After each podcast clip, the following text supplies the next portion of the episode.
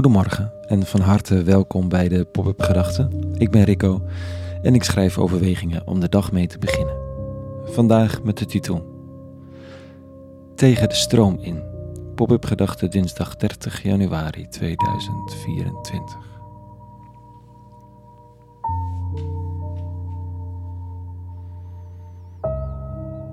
Columnist en schrijver Stefan Sanders ging proefgeloven, alweer een tijd geleden om het taboe te verkennen dat er in zijn cirkels heerste tegen geloof. Gewoon een tijdje op proef de gedachte aannemen dat er een God bestaat en naar de kerk gaan en alles. Het duurde even voor hij het woord God kon uitspreken zonder het met drie flessen wijn te hoeven wegspoelen, zo schreef hij ergens. Maar toen kon hij vervolgens ook niet meer zonder. En als Thijs van den Brink hem dan vraagt wat hij in die katholieke kerk doet, die toch echt niet heel ontvankelijk staat tegenover zijn homoseksualiteit, zegt hij: ja, blijkbaar heb ik het niet echt van hen nodig dat zij me bevestigen in mijn homoseksuele identiteit.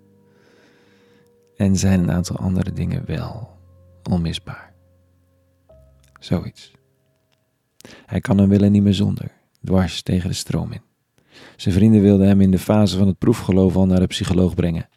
Want je moet alles uitproberen, maar die frase is altijd bedoeld tegen burgerlijkheid en christendom en kerk. Niet als reden om ook naar zo'n kerk te gaan en God en geloven eens te proberen.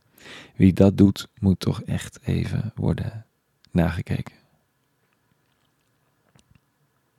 In het boek Faith, Love and Carnage vraagt vriend Sean aan artiest Nick Cave hoe zijn leven toch getekend is door tegenstellingen. Twee om precies te zijn: God en heroïne. Nou, zegt Nick, dat klopt wel, maar zijn het zulke tegenstellingen? Ze zijn misschien wel beide de uitingen van een verlangen. Een verlangen naar wat? vraagt Jean. Naar meer, zegt Nick. En even verderop zegt Jean dat het toch onlogisch is om in God te geloven. En dan antwoordt Cave. Maar Sean, sinds wanneer heeft geloof in God ook maar iets te doen met de logica?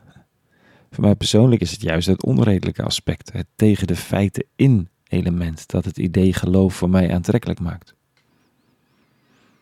Ik merk dat het neigen naar de fluisteringen van het goddelijke, die voor mij dus bestaan, hoe subtiel en zacht en in het moment ze ook zijn, dat die mijn relatie met de wereld groter maken, uitbreiden, vooral in mijn creativiteit.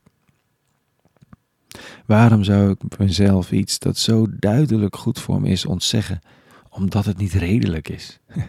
Dat in zichzelf zou onlogisch zijn. Fijne woorden van een woordenknutselaar die dwars door de donkere modder van het bestaan is heen gekropen en niet meer zonder wil. Tegen de stroom in, komen wat komt. Dit is het en ik hou eraan vast. Het is altijd al het verhaal geweest. Buitenbeentjes en mensen in nood die de gewone mens zogezegd voorgaan in uitleven wat geloof, hoop en liefde is, wat overgave is en hoe dit het leven verrijkt. Vandaag in de lezing, in de tekst van de dag, een vrouw die in het jaar nul vanwege allerlei heftige reinheidswetten niet anderen aan mag raken, want die zouden onrein worden. En het boeit haar even niet, want ze heeft het gevoel dat er een bron van genezing te vinden is, na heel lang ziek zijn. Dus dwars tegen de religieuze wetten van die tijd, de culturele wetten in, worstelt ze zich door een menigte mensen. En dit staat er. Er was een vrouw bij die al twaalf jaar een bloedvloeiing leed. Zij had veel te verduren gehad van een hele reeks dokters en haar hele vermogen uitgegeven, maar zonder er baat bij te vinden. Integendeel, het was nog erger met haar geworden.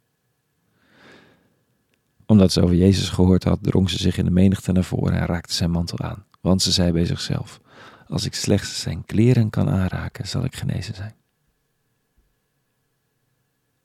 En jawel hoor, dat gebeurt. Jezus merkt het op, waardeert haar voor haar keuze en dat is het einde van dit kleine verhaaltje.